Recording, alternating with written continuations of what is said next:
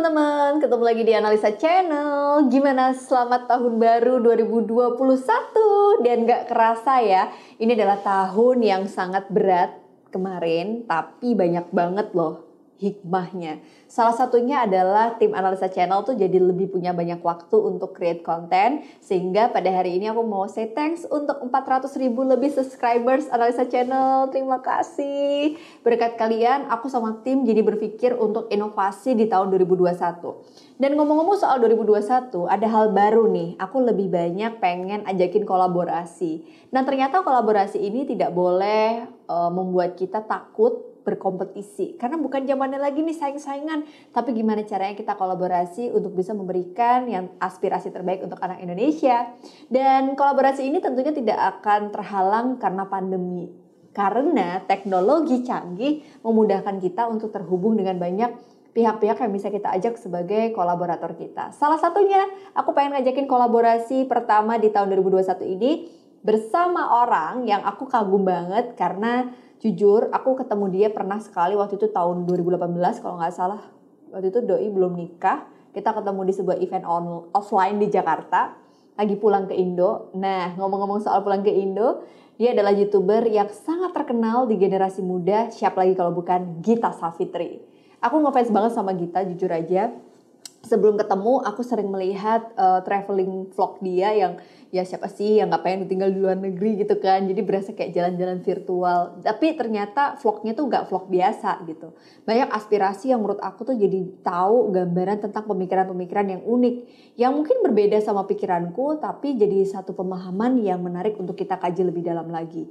Langsung aja yuk kita ngobrol ekspektasi dan bagaimana resolusi seorang Gita Savitri dan juga bakalan ngomongin tentang relationship nih banyak banget yang mempertanyakan 2021 ini akan seperti apa. Dan sekarang, seperti janji aku tadi, aku akan mendatangkan seorang yang aku kagumi udah lama sebenarnya sebelum ketemu langsung di beberapa waktu yang lalu. Dan saat ini sudah ada Gita Savitri. Apa dulu buat Gita Savitri. Gita aku tuh ngefans banget sama kamu jauh sebelum kita ketemu di sebuah event offline beberapa waktu yang lalu. Bener gak sih? Betul. Betul ya. betul. Dan itu udah lama banget ya lama mbak banget. Lama banget Gita. Terus kita sempat kolaps juga di YouTube-nya Gita ya teman-teman. Ternyata nggak nyangka apresiasinya ya kita banyak banget yang pengen nonton tentang pasangan dan bener. tangga. Dan banyak yang curcol ya di comment section ya. Bener bener bener banget.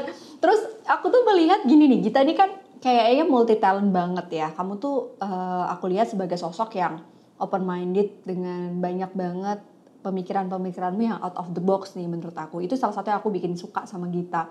Jadi kamu tuh bisa menerima banyak hal tapi kamu punya core values yang kuat. Boleh diceritain nggak seorang Gita Savitri punya nggak ekspektasi terhadap diri sendiri nih? Karena kan kamu orang yang sangat punya values yang kuat, tapi kamu bisa toleransi gitu. Itu gimana sih? Ada nggak ekspektasi yang kamu buat terhadap dirimu atau justru itu terbentuk karena ekspektasi orang di sekitarmu? Langsung nodong loh ya pertanyaan. Iya. Oke, gimana kita? Um, kalau aku sebenarnya orangnya tuh dasarnya memang ekspektasinya besar mana. Yes. Uh, bahkan dari sebelum aku sekarang ya, aku masih muda di saat aku belum tahu potensi aku seperti apa, aku belum kenal diri aku seperti apa tuh for some reason aku udah kayak harus begini, harus begini, harus gini gitu kan. Terus aku ekspektasi banyak ke orang lain di sekitar aku gitu. Nah, sekarang aku bener-bener berbeda 180 derajat. Hmm. Jadi aku sekarang jadi orang yang mencoba untuk mengandalkannya tuh diri aku sendiri. Terus aku detach sama orang-orang gitu kan, even ke orang tua aku, even ke suamiku sendiri gitu kan.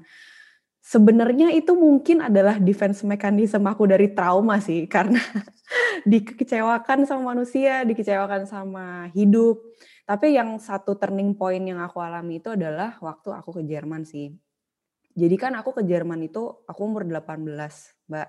Mm-hmm. Nah, aku tuh lulus sekolah lulus kuliah tuh umur 17 tahun. Nah, ternyata dalam waktu yang aku tiba-tiba harus berubah kehidupannya gitu kan terus aku ngeliat teman-teman aku di Facebook waktu itu masih zaman Facebook nih untungnya jadi belum terlalu wah gitu dramanya ya itu aja aku udah kayak galau kayak ya ampun kok hidup gue nggak bisa ya seperti orang-orang gitu. Dulu aku mengekspektasikan diri aku um, umur 21 aku lulus kuliah gitu kan, terus aku bisa langsung mungkin S2, terus kerja segala macem di saat aku masih muda. Tapi ternyata realitanya berbeda gitu. Aku baru kuliah umur 20, terus aku baru lulus tuh umur berapa ya? Aku 25 kayaknya baru lulus gitu tahun 2019. Oh, bentar, bentar, bentar. Aku jadi menarik nih. Aku pengen mengulik tentang Gita di usia-usia itu. Boleh aku tanya ya Gita ya? Boleh, boleh, boleh. Ini kan teman-teman ya, Gita Safitri ini kan kita kenal sebagai seorang YouTuber muda yang tinggal di Jerman udah dari zaman dulu banget. Terus terkenal dengan vlog-vlog traveling dan juga ada satu konten beropini yang aku suka banget. Nah ternyata seorang Gita Safitri ini tuh kuliahnya nggak dimulai dari teman-teman ketika mulai kuliah itu kan usia 17-18 nggak sih kalau di Indonesia Betul. gitu. Ini kenapa nih Gita kok bisa kamu di usia 20 baru uh, kuliah? Boleh ceritain? Jadi sebagai orang yang penuh ekspektasi gitu kan, ingin menjadi overachiever, pada saat ibuku bilang aku mending ke Jerman aja, aku nggak berpikir panjang.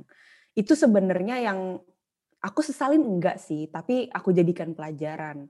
Karena nih seandainya kalau aku mau realistis, ke Jerman itu kan aku harus belajar bahasanya kan dari awal lagi. Terus aku itu bukan tipe pelajar yang uh, pintar secara akademik gitu mbak. Aku orangnya pemalas. Kalau di kelas itu mungkin kalau mbak Ana punya teman-teman yang kerja di belakang main kartu, nah itu aku kayak gitu. Oh iya? Tapi nggak nyangka loh. terus aku kayak nyontek terus, aku nggak tahu caranya belajar. Nah harusnya kan kalau aku tidak dengerin ego aku ya realistically speaking ya di Indonesia aja gitu kan dengan dengan aku yang seperti ini. Tapi pas kayak aku mendengar cerita um, mendengar tawaran ibu aku kayak ke Jerman aja aku langsung berpikir oh iya nih gue kalau di Jerman bisa jadi lebih hebat daripada orang-orang lain. Gue bisa gini gue bisa gitu. Kayak gue bisa di luar negeri gue kayak kuliahnya beda gitu loh. Kayak terlalu desperate pingin jadi di atas ternyata pas di Jerman itu tidak semulus itu gitu. Ternyata aku nggak bisa langsung kuliah, aku harus student kolek dulu, aku harus uh, les bahasa dulu. Pas hmm. kuliah ternyata kuliahnya susah, terus yang mestinya aku tiga tahun lulus, lulusnya empat tahun setengah gitu. Akhirnya itu loh. Nah tapi kalau aku tidak melewati proses itu kayaknya uh, aku nggak akan jadi orang yang sekarang sih. Jadi sebenarnya ini kayak seperti ya husnuzon sama Allah lah oh ternyata ini sih yang Allah pengen ajarin ke aku gitu. Wow, ini menarik ya. Satu sisi yang mungkin orang itu uh, take it for granted nih. Gita kan ngelihat Gita itu sebagai sosok yang muda, inspiratif, terus kamu juga kayak terlihat enak karena traveling mulu gitu kan. Tapi aku pengen tahu nih, ini ngomong-ngomong sekarang lagi pandemi nih. Jerman gimana? A little bit slow down atau biasa aja gitu dengan situasi ini kita sekarang? lagi lockdown yang kedua, Mbak. Jadi baru nanti hilang lockdown itu mungkin tanggal 10 11 baru kemarin itu padahal sempat santai lagi itu kan walaupun tetap ada hmm. aturan-aturan tapi ternyata angkanya naik terus lockdown lagi jadinya aku nggak bisa ke mana-mana sekarang nggak bisa traveling nggak bisa ngapa-ngapain oke tapi kalau boleh tahu nih Gita Gita kan akhirnya memutuskan untuk tinggal di Jerman ya bareng sama suami gitu. Itu uh, kamu sama Paul tuh punya punya ekspektasi nggak sih buat tinggal di Jerman atau justru malah kalian itu membangun resolusi-resolusi dan harapan di sana? Um, ekspektasi tinggal di sini sebenarnya kayaknya sih ya aku sama Paulus tuh nggak membangun ekspektasi apa-apa yang kayak kiranya harus begini harus begini atau gimana gitu karena kita itu um, mungkin ini orang yang nggak tahu nih Mbak, um, kalau aku berasanya, aku sebagai orang Indonesia, kita hidupnya itu selalu di gelas yang pecah gitu. Kita harus tiptoeing selalu. Karena um, entah misalnya nanti ada masalah visa gitu atau misalnya kita ada beberapa limitasi gitu yang kita harus yang kita punya karena kita bukan orang Jerman. Hal-hal seperti itu sih mbak yang bikin akhirnya kita lebih realistis di sini gitu. Jadi akhirnya naturalnya mindsetnya itu ya ngerjainnya one step at a time aja gitu.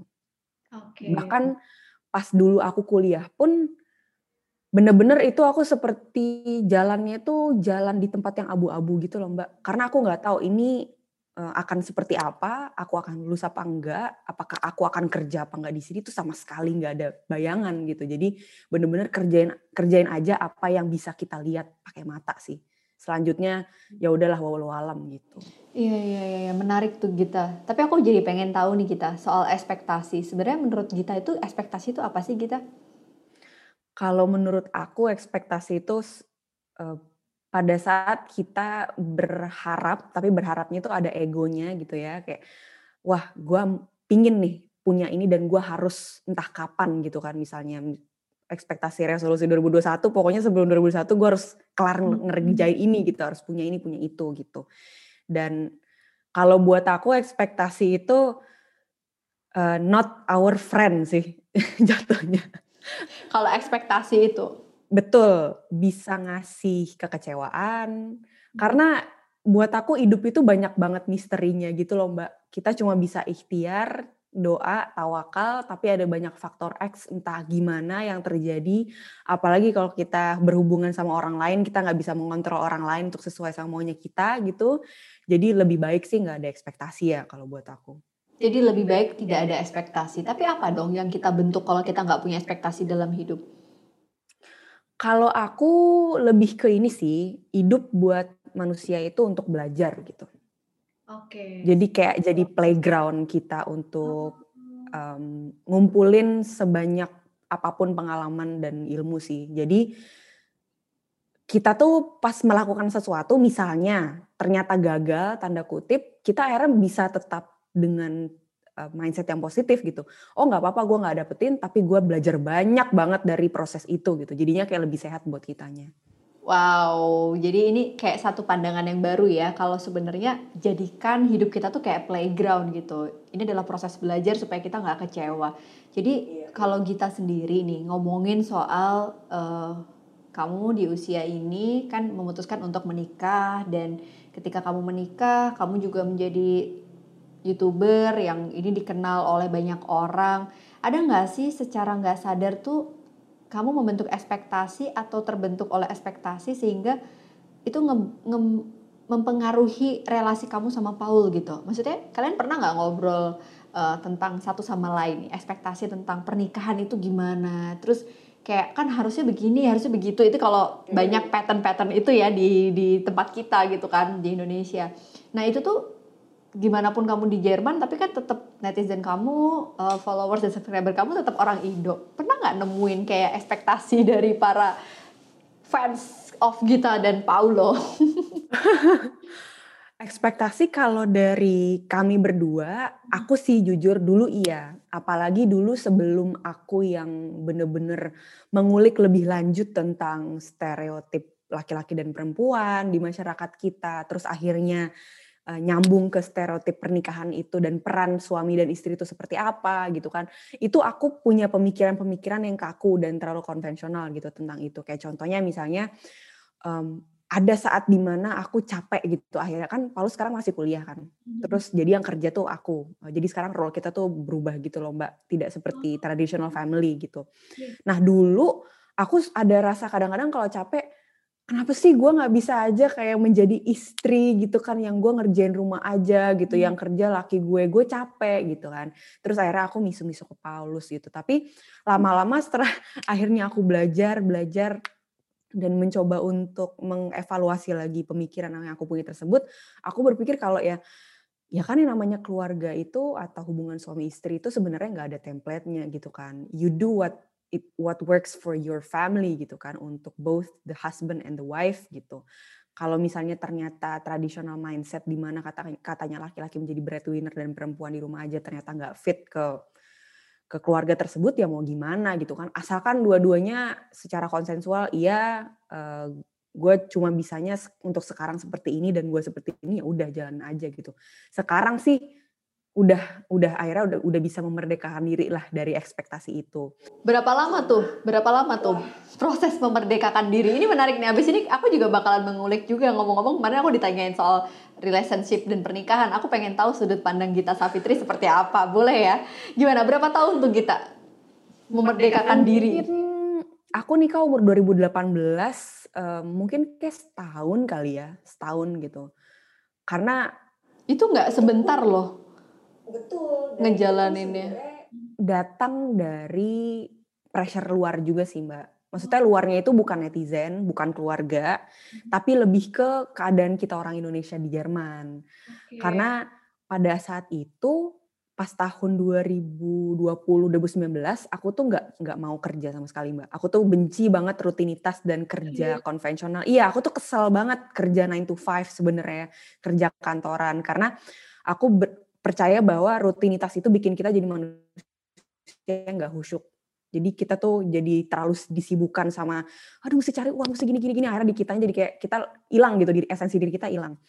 Nah terus ternyata nggak bisa karena di sini negara ini ada peraturan bahwa kalau misalnya kamu kuliah di sini bachelor uh, suatu industri gitu kan suatu field ya kamu harus kerja di industri tersebut gitu. Oh ada ya? Ada semacam regulasi gitu. Betul, oh. dua tahun full site atau full time. Nah aku nggak bisa ngapa-ngapain dong gitu kan. Padahal aku udah kayak karena itu rules ya. Mbak, heeh, aku udah kayak coba cari cara, cari loophole gimana caranya supaya aku nggak kerja ternyata nggak bisa. Nah di saat itu loh yang aku stres karena pressure itu, akhirnya aku kayak, kayak balik lagi. Ah elah gue kan bisa ngelakuin apa yang gue mau seandainya Paulus tuh lulus cepat waktu gitu kan. Kalau Paulus sekarang jadi dokter gitu kan. Padahal ya Paulus nggak lulus sekarang bukan maunya dia gitu. Karena ya dia waktu itu ada kesulitan ekonomi akhirnya harus um, molor dua tahun kuliah gitu kan dan dia kuliahnya kedokteran susah juga gitu. Jadi itu sih sebenarnya yang bikin aku jadi nggak bisa berpikir secara lurus lagi tapi sekarang sih uh, karena aku udah udah terbiasa mungkin ya dengan stres itu akhirnya sekarang udah udah lebih enjoy aja gitu lebih slow dan lebih nerima gitu ini menarik nih Gita, karena kan stres itu tuh sebagai salah satu yang dipicu oleh transition of life gitu kan. Jadi bisa jadi setahun itu adalah transisi Gita dari yang belum menikah menjadi menikah. Kalau menurut Gita sendiri nih, kita ngomongin soal selain ekspektasi, aku pengen ngebahas tentang pernikahan juga gitu Gita makna pernikahan itu apa sih Git? Karena kan kamu kelihatan sangat open minded, terus kayak wah Gita ini ke bule-bulean nih mindsetnya gitu kan. Ini pasti dia begini kan ada ya, dan itu sebenarnya bebas aja orang punya stigma yang macam-macam terhadap Gita. Itu salah satu resiko Gita sebagai public figure juga gitu. Pernikahan seorang uh, Gita Savitri dengan Paulus tuh apa sih makna pernikahan buat kalian nih mewakili Paulus? Mungkin kan kamu tahu ya suamimu memandang pernikahan seperti apa gitu. Jujur buat kami berdua, kami nikah tuh karena kami Islam. Itu sih mbak. Eh tapi bedanya apa? Karena kan temenan banget kan? Kayak kayak couple gitu. itu dia. Kita berdua Islam, terus kita tuh suka sama satu lain, satu sama lain, kita nyaman, gak mungkin dong tinggal bareng dosa gitu kan. Jadi ya udah nikah dan toh nikah juga berkah gitu kan, iya, dikasih iya, keberkahan sama Allah gitu sih. Karena aku pun pernah berpikir seandainya aku nggak Islam, seandainya aku nggak ada agama atau kayak bule-bule, aku kayaknya nggak akan melihat poin dari pernikahan itu apa gitu, karena mereka tidak kenal gitu dengan konsep pernikahan yang membawa keberkahan gitu kan dirahmati. Mereka tuh berpikirnya pernikahan itu adalah hanya meresmikan suatu hubungan terus harus doing a lot of paperwork. Dan akhirnya mesti bayar ini bayar itu, ya udahlah ngapain ribet-ribet toh gua nggak nggak berada di suatu dogma agama ngapain gitu kan nah kalau aku karena aku muslim dan aku mengamini konsep itu ya udah aku menikah sama Paulus gitu oke okay. kalau ngomongin soal ekspektasi nih berarti uh, kalian kan hidup dianggap sebagai sebuah playground jadi sama-sama belajar gitu kan tapi sebenarnya interaksi dalam komunikasi kamu sama Paulus waktu ngobrol gitu tuh bagaimana caranya menyampaikan um, harapan-harapan satu sama lain. Kan ada lah ya kayak ih uh, gue pengen banget nih lu cepetan lulus terus jadi kepala rumah tangga yang seutuhnya karena aku pengennya begini begini begini. Itu ada nggak sih? Atau semacam soal rencana-rencana um, gitu ada nggak dalam hubungan kalian? Pastilah ya uh, rencana ada tapi bukan yang kayak big goals gitu sih mbak. Kalau misalnya untuk lulus karena sekarang aku udah kayak aduh terserah lu deh gitu kan jadinya aku kayak lebih ke paling make fun of him aja sih. Kayak contohnya gila lu lu dari tahun 99 sekolah sampai sekarang masih sekolah aja gitu kan kagak bosen apa gitu sih lebih ke sana. ngambil apa sih sekarang Paulus? Paulus kedokteran masih kedokteran umum. Dia masih kuliah. Susah ya? Susah sih dan karena tuh uh, karena ada kesulitan ekonomi itu loh mbak. Itu sih yeah, kemarin yeah, itu yeah. dia sempat nggak bisa kuliah jadi dia harus kerja terus kan. Dan kalau untuk dia... turn in lagi tuh nggak semudah itu gitu ya kalau udah sempat kejeda gitu ya I see. Um, sistem kuliahnya itu bukan yang SKS gitu jadi nggak bisa yang langsung borong SKS gitu. Jadi modul gitu. Nah masalahnya satu modul ini nggak bisa diambil kalau belum lulus modul sebelumnya dan modul sebelumnya itu cuma ada di semester yang ini gitu loh jadi lamanya di situ Iya, iya, iya, iya, iya. Oke, nah ngomong-ngomong soal akhirnya kamu memutuskan untuk menikah gitu ya. Kalau flashback ke belakang waktu kamu di usia-usia 20-an something gitu nih Gita. Tadi ngelanjutin obrolan kita yang sempat keputus nih sebelum kita record. Jadi aku pengen uh, kamu menceritakan transition dari setiap fase kehidupan seorang Gita tuh seperti apa sih sampai akhirnya dia uh, decided untuk akhirnya menikah dan melepaskan ekspektasi si dalam kehidupan dia yang diciptakan oleh dirinya, orang lain dan mungkin pasangannya gitu, tapi bener-bener sama belajar. Itu proses apa sih? Karena kan kita itu kalau aku bayangin kamu sosok yang sangat perseverance dan persistence banget gitu kan. Sempet cerita kayak Poya kalau mau punya mau tuh harus gitu. Kok bisa jadi berubah banget sih yang kayak go with the flow-nya itu bisa kayak gitu gimana sih, Jita? Karena dikecewakan itu loh jadinya bener-bener uh, kayak contohnya menikah nih mbak. Dulu tuh sebelum aku akhirnya ketemu Paulus, aku tuh kayak sempet dikhianati sama satu hmm. orang. Padahal ini mungkin biasa gitu ya kayak ya diselingkuhin itu kan mungkin almost everyone pernah merasakan itu gitu kan. Entah jadi yang menyelingkuhi dan diselingkuhi begitu kan. Cuma buat aku yang diselingkuhi dan pada saat itu aku masih muda sekali, umur aku masih 20 19 gitu ya. Masih terlalu polos gitu melihat dunia itu sesuatu yang cukup menampar aku gitu karena aku naturalnya ada orang adalah orang yang sangat selektif sekali gitu dalam um, memilih siapa aja sih yang harus masuk di dalam hidup gue gitu dalam lingkaran gue entah kenapa um, aku tahu bahwa diriku ini dan sifat aku gitu kan personality aku tuh nggak semua orang not everyone's cup of tea. Jadi aku selektif itu. Takutnya nanti kalau aku allowing everyone untuk datang ke diri aku takutnya kayak oh lu ternyata kayak gitu gue nggak suka gitu loh kayak gitu gitu loh. Kayak terlalu banyak akhirnya hmm. mereka ngasih pressure ke aku untuk akhirnya berubah gitu nah atas dasar itulah gitu kan. Nah pas aku diselingkuhin itu aku akhirnya banyak blaming diri aku kayak Gita lo kenapa sih nggak bisa ngelihat gini nih bisa terjadi? gitu. Lo harusnya tahu ada banyak red flag gitu kan. Lo harus tahu lo harusnya lebih pintar lo harusnya lebih bisa observant gitu gitu nah um, akhirnya pas ketemu Paulus itu approach aku terhadap relationship gitu kan yang romance gitu akhirnya berbeda.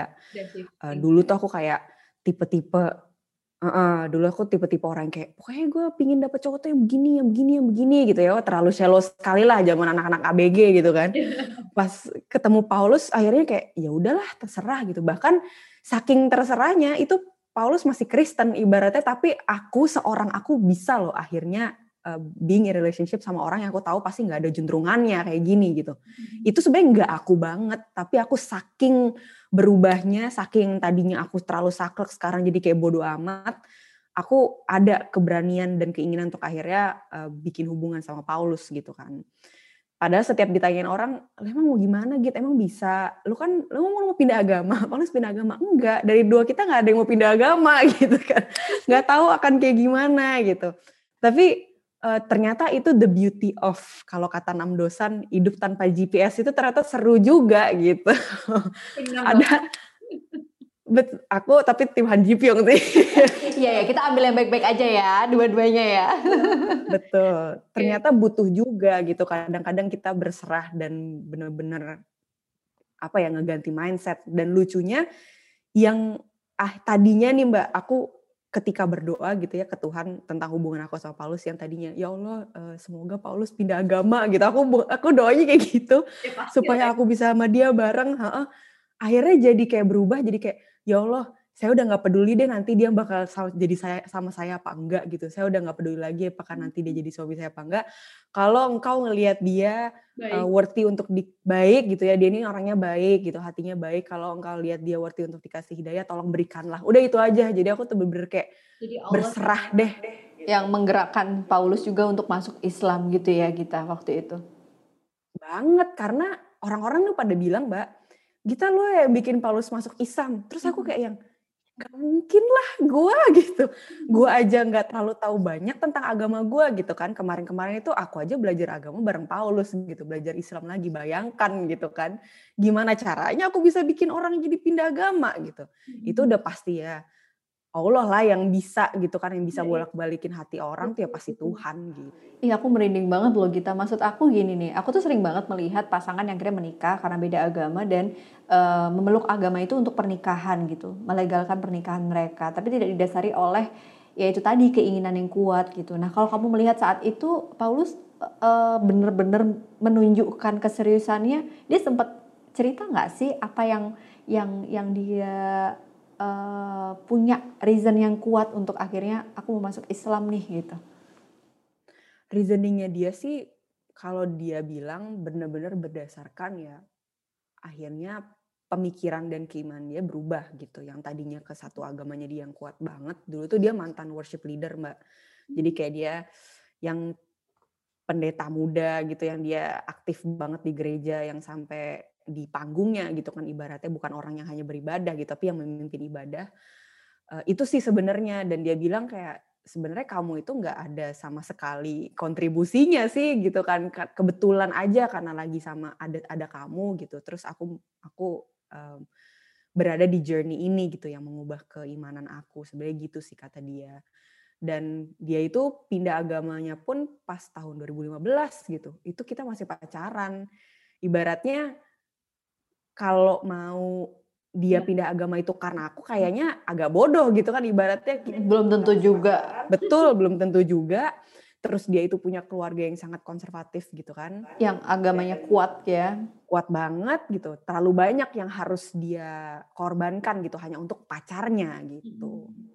Ini menarik loh, menarik banget teman-teman. Ini kita sih nggak bermaksud untuk membicarakan agama ya, karena bukan konteksnya di situ. Tapi kayak aku pengen uh, membahas tentang relationship, terus kemudian juga tentang ekspektasi itu tadi secara psikologis kan ke, namanya orang menikah itu ada ekspektasi, terus kemudian jadi kayak pindah agama tuh menjadi sebuah aspek juga kan kayak kamu pindah agama itu untuk apa sih gitu. Terus ketika beribadah kan pada akhirnya akan sangat mempengaruhi pola interaksi kalian berdua gitu kan. Terus apa nih yang waktu itu kita lakukan selain berdoa kepada Allah gitu ya? Apa yang kamu lakukan gitu sampai akhirnya tuh Paulus benar-benar menghayati bahwa Islam itu adalah agamaku gitu. Dia itu pas lagi proses dia tuh soalnya prosesnya susah sih Mbak menurut aku karena dia yang tadinya sangat mengimani agama dia yang sebelumnya terus dia harus ke proses di mana oh my god ternyata bukan ini ya gitu. Yang sekarang gue percaya harusnya nggak seperti ini gitu. Dia harus unlearn itu semua terus mulai lagi dari awal di saat umur dia udah segitu gitu iya, kan dan dia tahu ada keluarganya gimana segala macem itu susah banget. Nah akhirnya dia sempat ada hesitation gitu untuk akhirnya pindah ke agama Islam karena dia takut akhirnya terulang lagi takut ini hanya fase takut ini bukan keyakinan dia dari dalam gitu. Nah, jadi dia sangat berhati-hati gitu. Makanya itu juga salah satu alasan dia kenapa sekarang dia lebih ke take it slow sih. Lebih kayak kalau agama itu buat esensi dia taruh di dalam hati gitu kan. Karena ada beberapa netizen gitu kan yang tahu, oh Paulus pindah Islam ya. Terus langsung kayak berekspektasi nih, ya, yang lucunya nih. Kayak wah lu harusnya seperti ulama yang ini yang tadinya dulu itu bukan Islam gitu kan. Gitu ya. betul jadi hardcore gitu. Islam tuh sampai menjelek-jelekan agamanya yang sebelumnya terus sampai ngeganti namanya gitu. Nah Paulus itu nggak mau seperti itu karena dia pikir perjalanan gue itu sangat-sangat ada esensinya. Kenapa gue bisa di tempat yang sekarang gitu? Dan gue nggak bisa langsung um, ngedelete itu semua dan lupain itu semua as if nothing happen nggak bisa nggak seperti itu gitu kan yang namanya hidup. Nah karena itulah ada banyak consideration jadi aku tuh cuma jadi orang yang meyakinkan dia gitu. Kayak yang kalau misalnya kamu udah ngerasa ada keyakinan kayak gini sebenarnya harusnya disegerakan gitu. Karena kalau kamu terlalu banyak maksudnya berpikir dan gitu-gitu takutnya pikiran kamu itu bisa jadi nanti datangnya bukan dari kayak diri kamu gitu. Bisa jadi itu kayak pikiran-pikiran aneh atau kata nandosan lagi baknya gitu kan. sebenarnya yang, yang tidak penting gitu sebenarnya. Jadi, jadi kalau untuk kamu harus bisa cari balance lah gitu. Kapan harus berhati-hati tapi at the same time kamu juga jangan terlalu banyak mengulur waktu gitu sih aku bilangnya. Wow, ini seru banget loh Gita. Kita ngobrolin mulai dari ekspektasi sampai ke relasi agama dan pernikahan gitu ya. Terus ternyata kan pasti loh, pasti aku melihat kan kalian berdua tuh sama-sama public figure yang punya banyak fans, terus mereka juga pasti menaruh ekspektasi dan isunya tuh sangat sensitif gitu soal agama gitu. Terus yang kedua, aku boleh me me melihat juga kayaknya kalian itu kan jadi setelah menikah tuh ada ekspektasi tentang ya ini pattern lagi ya kayak stigma bahwa kalau udah nikah tuh punya anak gitu. Terus yeah. begitu kalian belum belum dikasih gitu ya atau kalian belum belum uh, ada anak di dalam pernikahan kalian, ada nggak sih semacam ekspektasi yang munculnya itu justru dari orang sekitar kamu atau mungkin netizen gitu? Yang itu push banget sebenarnya. Iya. Jadi sebenarnya aku sama Paulus itu child free. Kita emang nggak ada rencana ingin punya anak gitu kan. Kita pinginnya berdua aja gitu. Nah, mungkin ini terlalu ekstrim kali ya untuk dan kamu sempat declare juga kan itu sebenarnya mm-hmm. terus terus gimana tuh Uh, seperti biasa kalau orang child free itu pasti dapat dikasih bingonya gitu. Di bahasa kita tuh bingo kayak gimana kalau nanti lu berubah pikiran. Terus nanti kalau misalnya lu tua siapa yang jagain lu. Terus apakah lu udah mendiskusikan ini ke suami lu padahal ya ini badan aku gitu kan ibaratnya udah pastilah kalau hal kayak gitu kita udah sediskusikan gitu berdua gitu dan um, kita decision kita untuk tidak memilih, tidak punya keturunan ini pun bukan tiba-tiba maunya aku atau kayak suka-suka kita langsung plug gitu selesai. Ini juga um, ada proses yang panjang gitu kan. Paling ekspektasi itu dari orang-orang luar netizen yang kayak kak kapan punya anak? Aku pingin punya ponakan online. Itu kayak oh my iya, iya. god. Agak aneh ya gitu aku ngeliatnya. Padahal buat aku punya anak itu it's such a big deal gitu kan. Mungkin Mbak iya. Ana lebih ngerti karena Mbak Ana psikolog gitu kan gimana kalau misalnya kita sebagai orang tua nggak being responsible terus taunya kita memberikan luka ke anak kita. Iya, iya gitu. benar benar benar. Itu kan readiness yang nggak bisa dipaksain dari ekspektasi orang lain ya gitu. Betul, betul dan yang namanya manusia kan kita berhak memilih dan punya pilihan ya. Alhamdulillah aku punya pilihan untuk ya, nggak ya. punya kan, walaupun ada perempuan di luar sana yang dia pingin punya tapi nggak bisa gitu kan. Tapi regardless ya, ya memang ini keputusan kita gitu kan.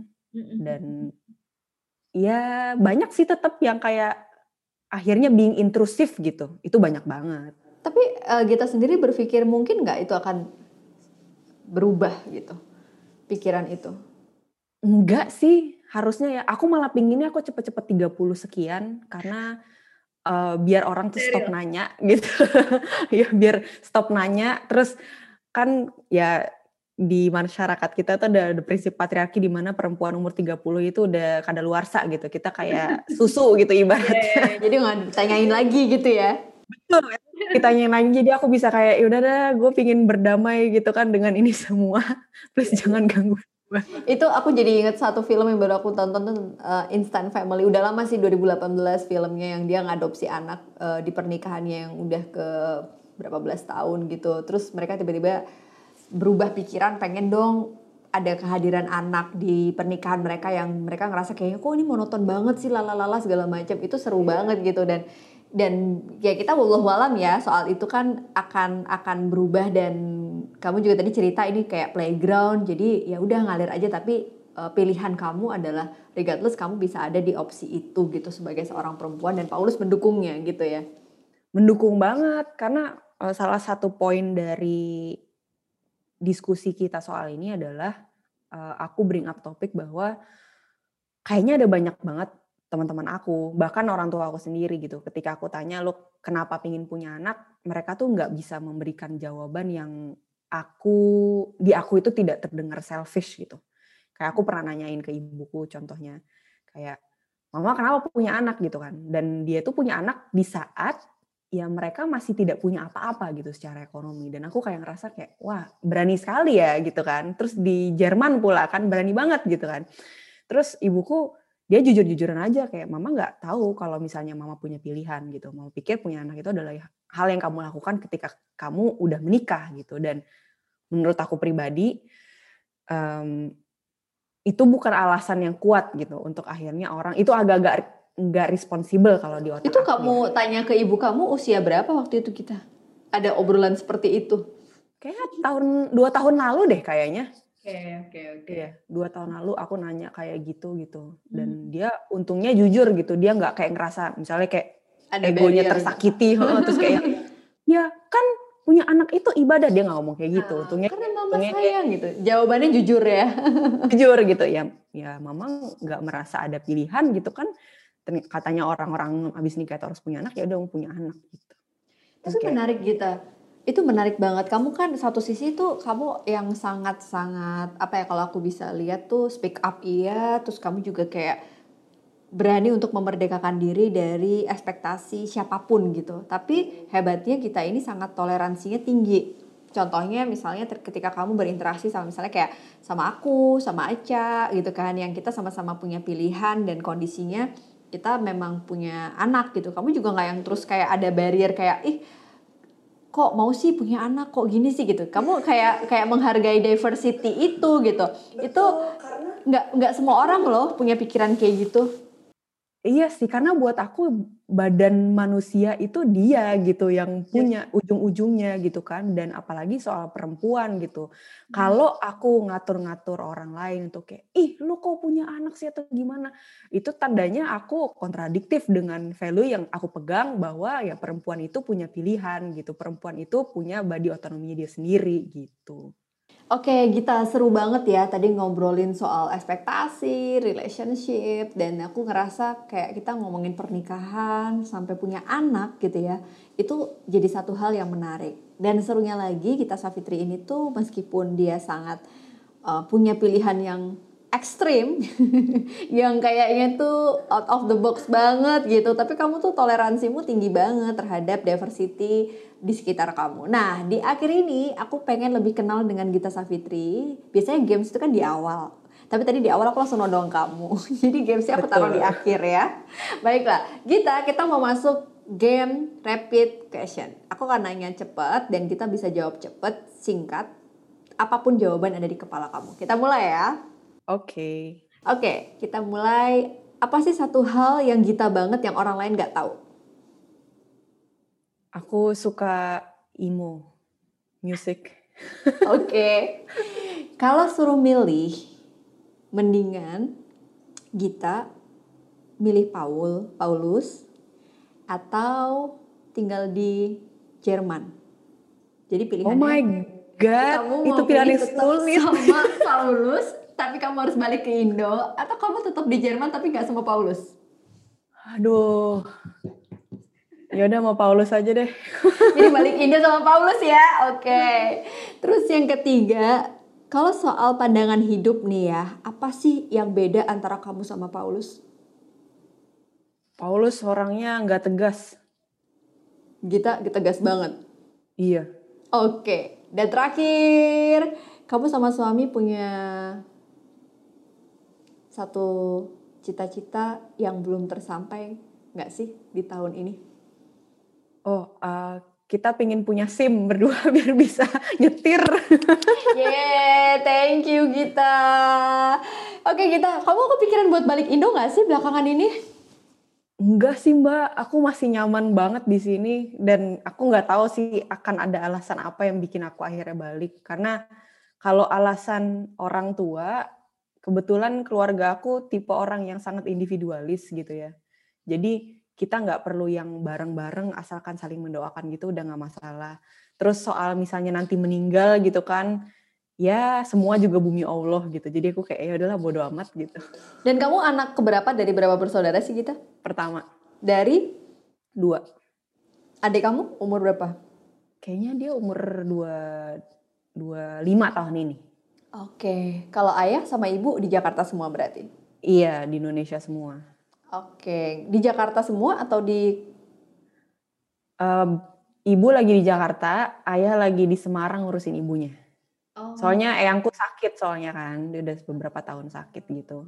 Jadi uh, mereka sama bokap. Oke, tinggal terpisah untuk beberapa waktu belakangan ini. Baiklah Gita, jadi karena bumi kita adalah milik Allah dan akan berkumpul semua, itu salah satu paradigma di keluarga kita sehingga kita memilih untuk ada di Jerman aja. Tapi kontribusi apa sih yang Betul. kita pengen pengen kasih buat Indonesia? Pasti dong ya kan aku lihat Gita tuh sangat kontributif juga buat Indonesia gitu. Pastinya jiwa sebagai warga negara Indonesia ini nggak akan hilang gitu kan. Apa yang akan mm -mm. big dream apa yang akan kamu kayak long term vision untuk Indonesia meskipun kamu ada di Jerman, tapi banyak loh pemuda-pemuda Indonesia yang di, tetap di negara lain tapi berkontribusi buat Indonesia. Aku pingin lifting up generasi aku dan generasi di bawah sih mbak. Dan itu sebenarnya bukan karena negara aku gitu, bukan karena Indonesia. Karena aku for some reason orangnya nggak terlalu nasionalis nih sebenarnya. Kayak aku punya love hate relationship lah sama negara aku. Hmm. Tapi kalau untuk soal kontribusi, aku lebih kayak pingin kita anak-anak muda itu sukses bareng-bareng gitu. Jadi makanya aku bikin YouTube pun buat mereka gitu kan. Aku kayak bikin konten apa-apa, aku nulis itu buat mereka gitu. Biar ya itulah kita saling lifting each, each other up gitu. Dan kita ada di atas bareng-bareng, why not gitu. Oke, thank you banget Gita. Boleh dong kasih semangat buat teman-teman uh, penonton analisa channel sama Gita Safitri yang hari ini lagi nonton obrolan kita semaunya sore ini gitu ya. Jadi uh, apa yang pengen kamu kasih message nih untuk lifting up lifting up mereka nih? Um, apa ya? Jadi pribadi yang khusyuk, lah, yang mindful, gitu mindful gitu kan. Betul. Terus jadi pribadi yang punya prinsip. Otentik ya? Otentik juga, ibaratnya seperti perahu pinisi gitu ya. Dia walaupun rigid gitu, misalnya dari kayu, tapi di ombak pun dia tetap ada anchornya kuat gitu. Wow, itu keren banget tuh filosofi Gita Safitri. Thank you ya Gita udah ngobrol di Analisa Channel. Sama-sama, udah ngajakin juga loh Mbak Ana. Iya, sangat-sangat berfaedah. Susah banget loh ngatur jadwal uh, kita berdua ini. Beda Yoi. waktu, jarak, dan lain sebagainya. Salam buat Paulus ya, sehat-sehat kalian di sana. Insya Allah disalamin. Thank you Makasih, udah join di sini. Terima kasih teman-teman. Thank you Gita. Siap.